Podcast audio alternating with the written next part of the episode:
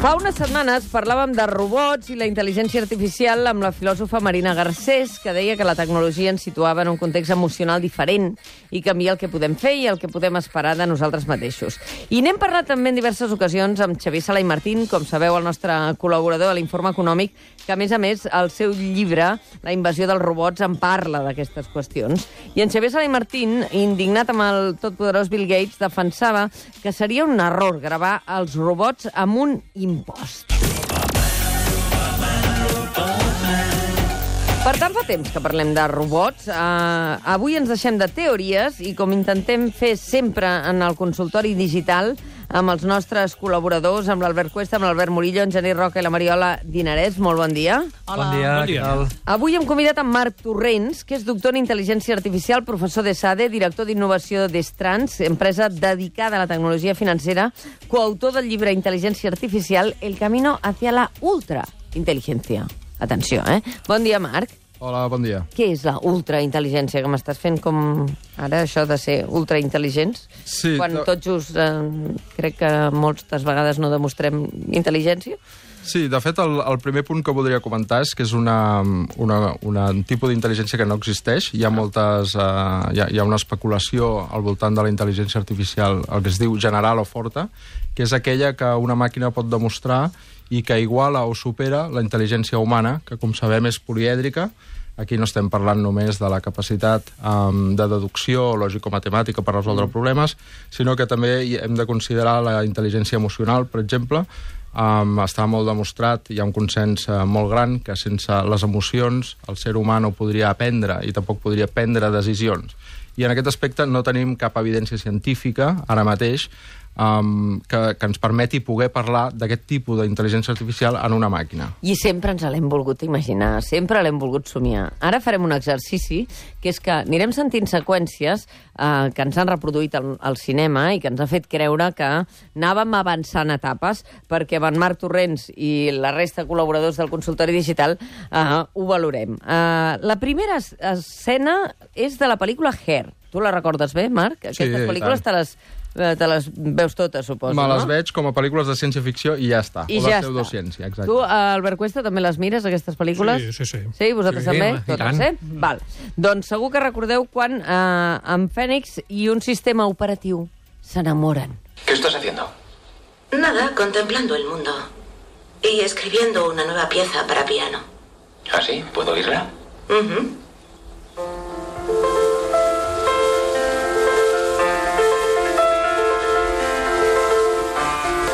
esta de qué va? Bueno, como no tenemos ninguna foto juntos, he pensado que esta canción podría ser como una foto que nos captura en este momento de nuestras vidas juntos. I tu, Marc Torrents, eh, en els congressos on vas, la setmana passada en el Congrés d'Economistes, insisteixes que estem molt lluny d'això que acabem de sentir, d'una màquina que digui que faci, expressi sentiments, emocions i Exactament. construeixi relacions emocionals. Jo, sí, jo el que penso és que estem uh, molt lluny, ni tan sols tenim cap pista científica de com podem arribar a reproduir aquest tipus de- d'intel·ligència en una màquina. El que passa que hi ha tot un tipus de negoci de la ciència-ficció, tant en llibres com en pel·lícules, com hem vist, que evidentment potencien aquesta idea i la societat s'està uh, està adquirint unes expectatives que són molt altes i jo penso que és important Rebaixar-les. de rebaixar-les una mica. Hi ha, hi ha tota una teoria que diu que la tecnologia és exponencial, l'avenç tecnològic és exponencial, que bàsicament el que vol dir és que cada 18 mesos o 24 mesos es dobla la capacitat de computació de, de les màquines, per tant és exponencial, per una banda. Per l'altra banda tenim el creixement de les dades, que també és exponencial, com tots sabem. Um, aleshores, com que la intel·ligència artificial es basa en aquests dos factors que són exponencials, hi ha algun, una, especialistes i futuròlegs que prediuen que, degut a aquesta exponencialitat, algun dia no molt llunyant, 20-30 anys, eh, podrem arribar a reproduir aquest tipus d'intel·ligència. Però la majoria d'especialistes pensen que estem molt lluny i que fins i tot potser mai podrem eh, reproduir la nostra intel·ligència en una màquina. Clar, uh, Albert Cuesta, quan ens portes aquell aparell que, que li demanes coses i et contesta d'aquella manera tan afable, com es diu la nostra senyora... de- Alexa. Vols- tu vols dir L'Alexa, jo volia dir l'Alexa, moltes gràcies, sí. d'Amazon. Uh, tens la sensació que tens algú amable i tal, però d'aquí a que ella només executa, no, no, no estableix relacions Sí, emocionals amb nosaltres. Com diu el professor Torrents, eh, eh, estem molt lluny de que les màquines puguin tenir emocions. Del que estem, a- el que estem a prop i el que estem immersos ja és amb el, amb el que se'n diu aprenentatge automàtic, el machine learning, que és que les màquines amb totes aquestes dades detecten patrons i llavors treuen conclusions. No sé me'n recordo, el conseller delegat del Deutsche Bank fa uns mesos en una conferència va dir en comptes de tenir persones treballant com robots, eh, tindrem robots eh, treballant com, fent de persones, no? I això va per aquí.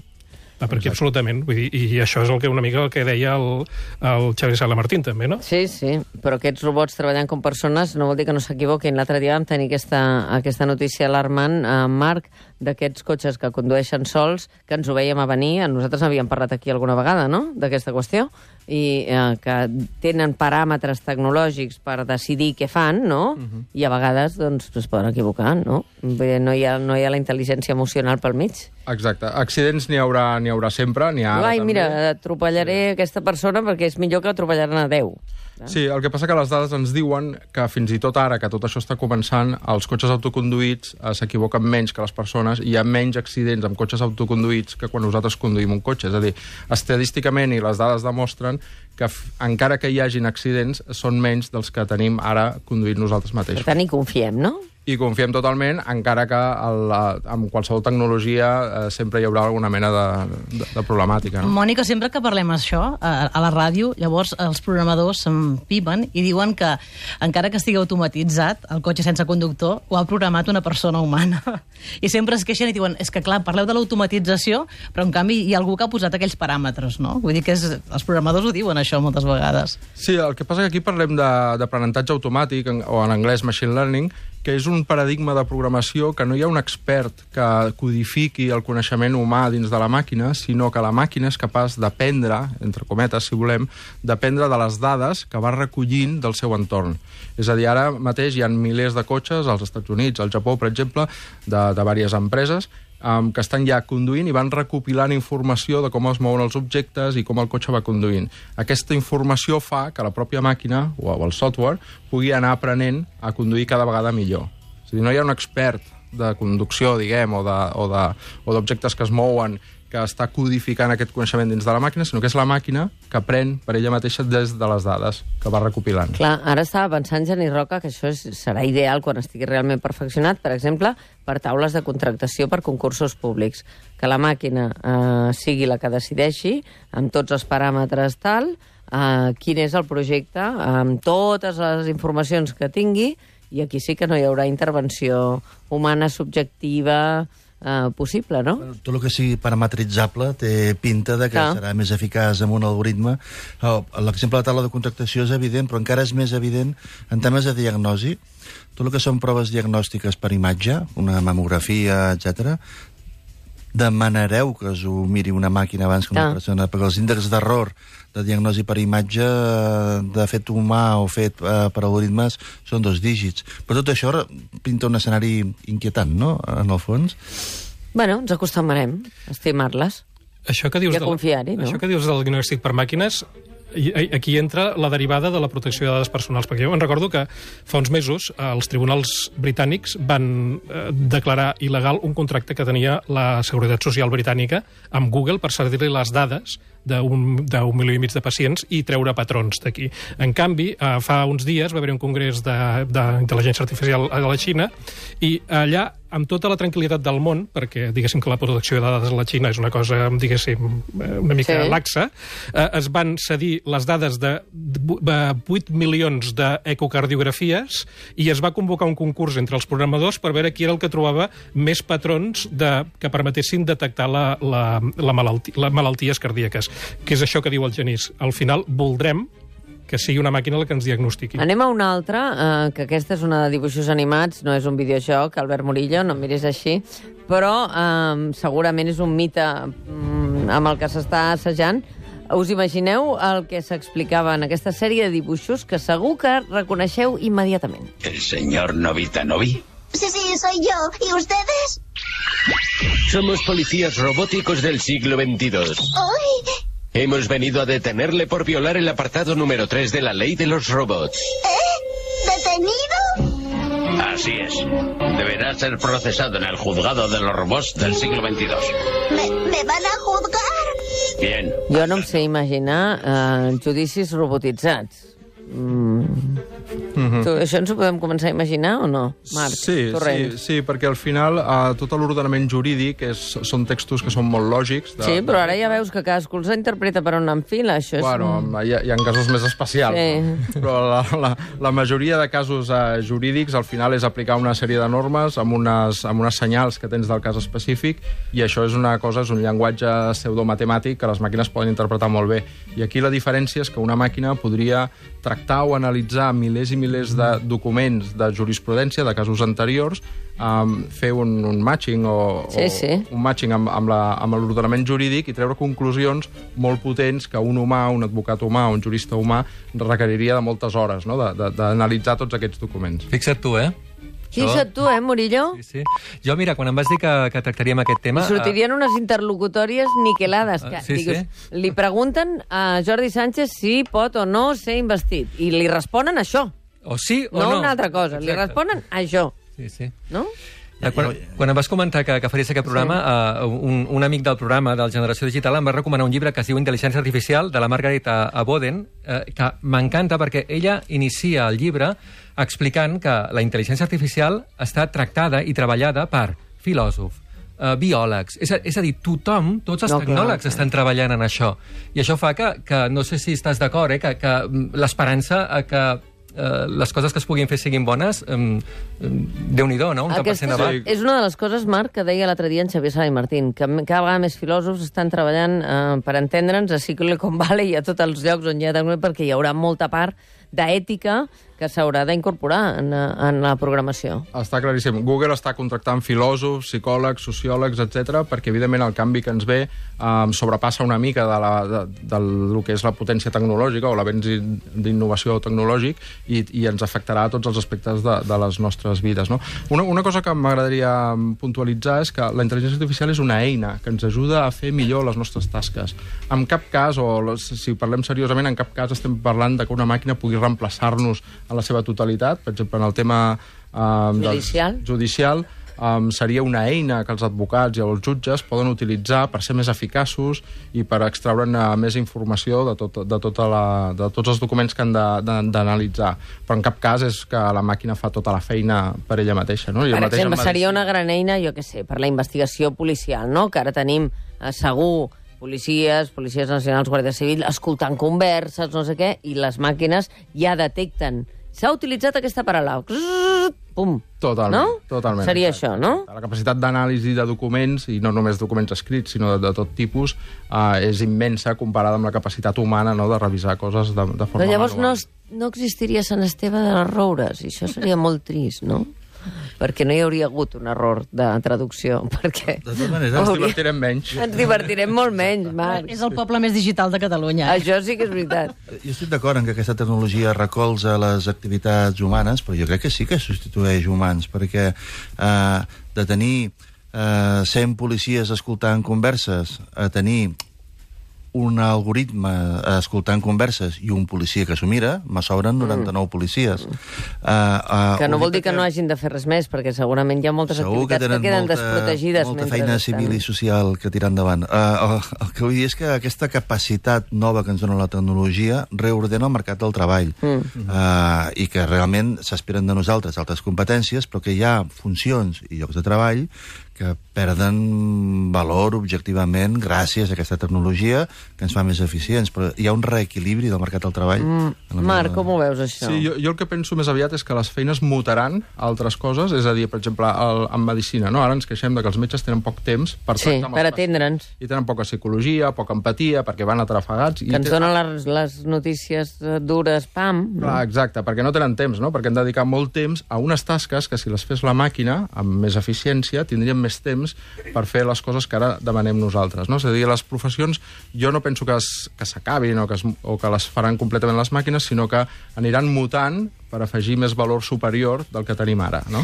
Anem a una seqüència històrica de la vida del cinema, um, que és el retorn del Jedi, una conversa de Luke Skywalker amb Obi-Wan Kenobi, en què uh, al final uh, acaba parlant amb aquell holograma.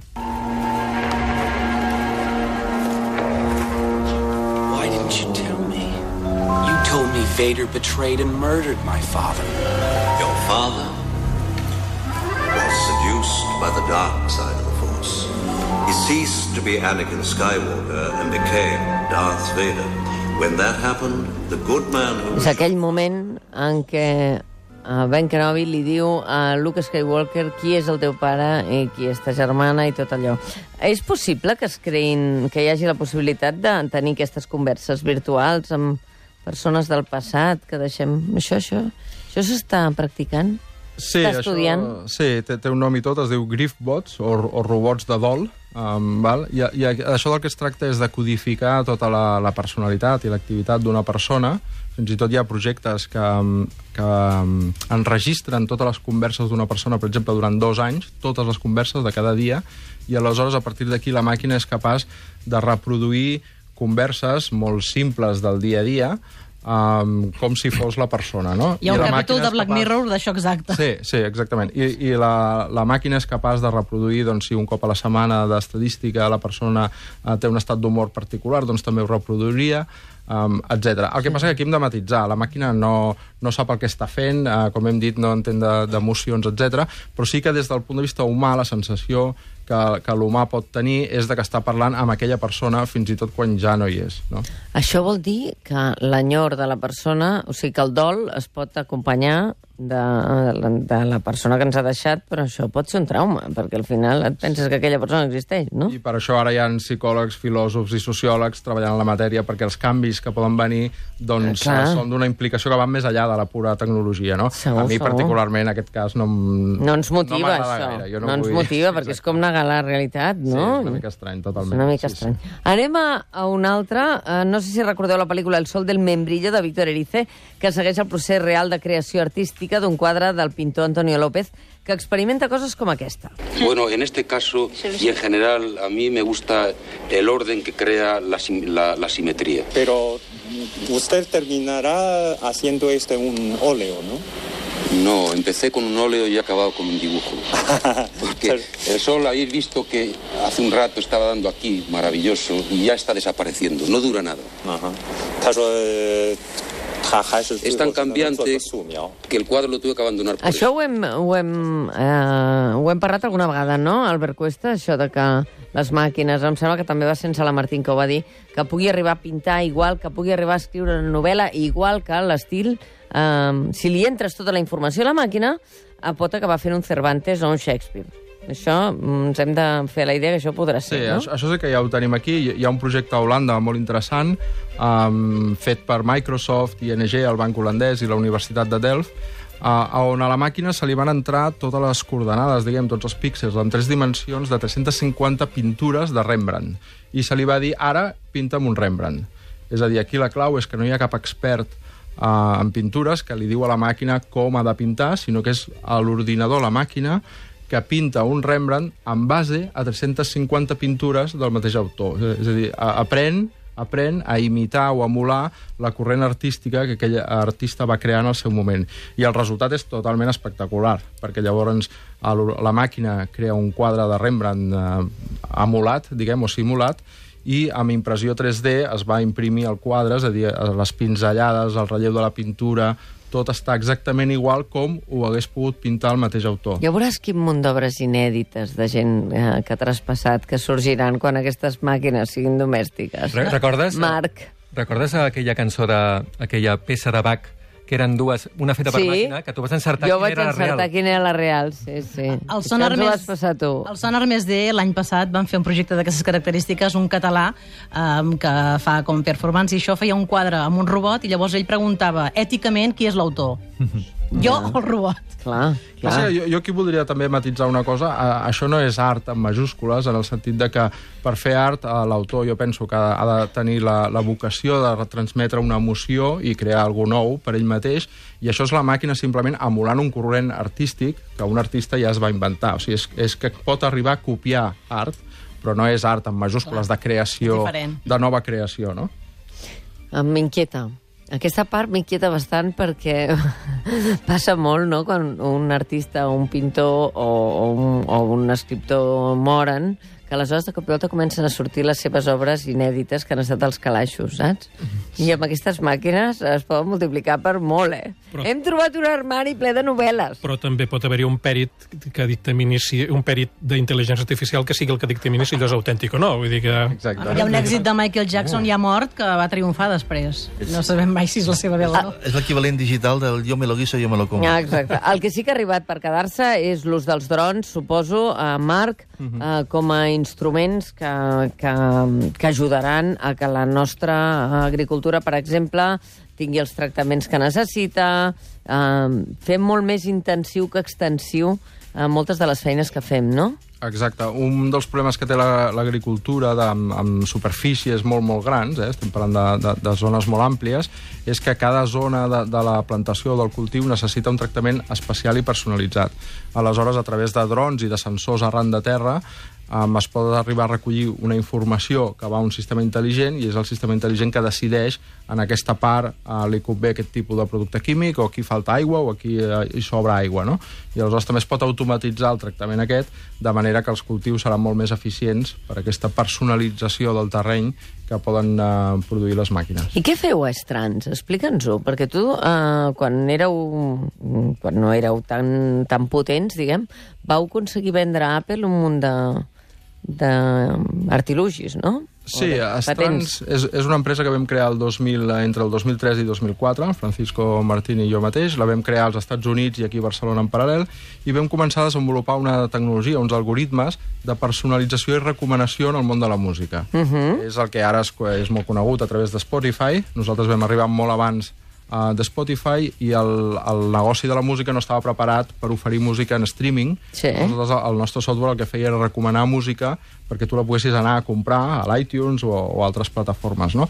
Aleshores, tot aquest coneixement, tots aquests algoritmes, els vam protegir amb, un, amb el que es diu un portfolio de patents als Estats Units i Apple es va interessar per aquest tipus de tecnologia i ens va comprar, diguem, la propietat intel·lectual que havíem generat uh, fins a aquell moment. I ara continueu fent eh, coses en aquest sector o on esteu treballant? Ara aquest sector el vam haver d'abandonar perquè quan vens la propietat intel·lectual, evidentment, a Apple es, es queda el coneixement, i llavors vam aplicar totes les tecnologies que havíem desenvolupat al món de la banca. I ara som una empresa el que es diu FinTech, Uh -huh. uh, finances i tecnologia, i treballem amb bancs eh, per tal de millorar l'experiència d'usuari dels clients analitzem les transaccions eh, financeres de cada client per extreure'n intel·ligència o coneixement del client Mm. i aleshores eh, permetem al banc personalitzar aquesta experiència d'usuari um, a, als bancs. Bueno, tot això vol dir que quan vosaltres aneu a les um, línies obertes de les, dels bancs és quan ens diuen, a veure, el que li interessa a la gent saber? Quanta pasta li queda, amb què s'ho ha gastat, si s'ho ha gastat en menjar, si s'ho ha gastat en rebuts, no? Exacte. El I model feu aquests tradicional- gràfics, Mm, no? Que de cop i volta dius, uf, estic fatal. Exacte. El, el model tradicional de, de banca online és eh, mostrar el llistat de transaccions no? eh, enorme. Això no té cap valor per a l'usuari, perquè al final és una llista de coses. I nosaltres el que fem és processar aquesta informació per tal de que sigui eh, fàcil d'entendre i més intuïtiva pel client final. No? I el client eh, del banc pugui entendre si s'està gastant molt en un tipus de concepte, si s'ha de si eh, els seus eh, pressupostos van bé o no, etc. I de la mateixa manera que ara regalen drons, d'aquí quatre dies, Genís, el que tindrem és un robot al costat, petit, que ens ajudarà, ens complementarà la vida. Això serà eh, real, diguéssim, aquest robot que ens traurà feina, com en els metges, com en els advocats, etc. El tindrem d'ús personal? Sí, de fet, ja el tenim, aquesta màquina ja ho és una mica, Exacte. no? Per exemple, al Japó hi ha, hi ha un armari que ja és comer- comercialitzable, és bastant car de moment, un armari Mm. on li poses la roba uh, bruta i arrugada, diguem, i la- l'armari és capaç de rentar-la, secar- secar-la i planxar-la, i te la posa tota ben planxadeta. Perdona, on dius que està aquest armari? Però és que a més és urgent, Val eh? 20.000 euros. Panasonic, Quan dius que val? 20.000 I euros. t'ho fa de veritat? Doncs uns ho trobo barat. Sí, sí, sí. Ja té uns braços articulats, agafa cada peça i decideix com plegar la camisa, etc un cop l'ha planxat, també, de forma automàtica. Si en compres... Tu l'has vist, Marc? Jo he vist vídeos, demostracions... Jo l'he jo vist funcionant. Home, ara és setmana canvi d'armari, no? És bona! No cal canviar l'armari, perquè ella sola, que deu ser molt intel·ligent, Això, ja quan veu que és d'hivern i fa calor, la deu arxivar, no? Pots decidir si, te la, si vols eh, que et plegui la roba en piles segons el color, segons la, el tipus de peça o segons el membre de la família. És a dir, que es pot configurar fins a, fins a aquest punt. El color, el color groc amb, a un costat. Pobre Mari Còndor. Caram i recaram, sí senyor, amic. Uh, Marc Torrents, uh, Jani Roca, moltes gràcies per uh, venir avui aquí. Albert Murillo, Albert Cuesta, Mariola Dinarès, ja ho veus, Mariola? Sí. Nosaltres parlem avui de bitcoins, vull dir que això també ho has controlat, tu. Els bitcoins és un, és un tema... Sí. Et digues, Albert. Que per la vostra tranquil·litat, a Sant Esteve de les Rores ja existeix un Ministeri d'Intel·ligència Artificial. Ah, sí? Ho sapigueu. Ja existeix? Sí, sí. Veus com són S'avancen avançats? amb tot, eh? S'avancen amb tot. Aquí Sant Esteves, que estan, estan... Vinga, moltes gràcies. Una pausa i parlem de sèries. A les sèries passen algunes d'aquestes coses que ara ens explicava en Marc Torrents. En parlem amb la Sílvia Comet ara d'aquí no res. Teniu dubtes lingüístics? Sí, una mica, sí. Quins? Envieu-nos la vostra consulta al correu del programa matí arroba catradio.cat o deixeu-nos una nota de veu al WhatsApp del 607 07 09 23.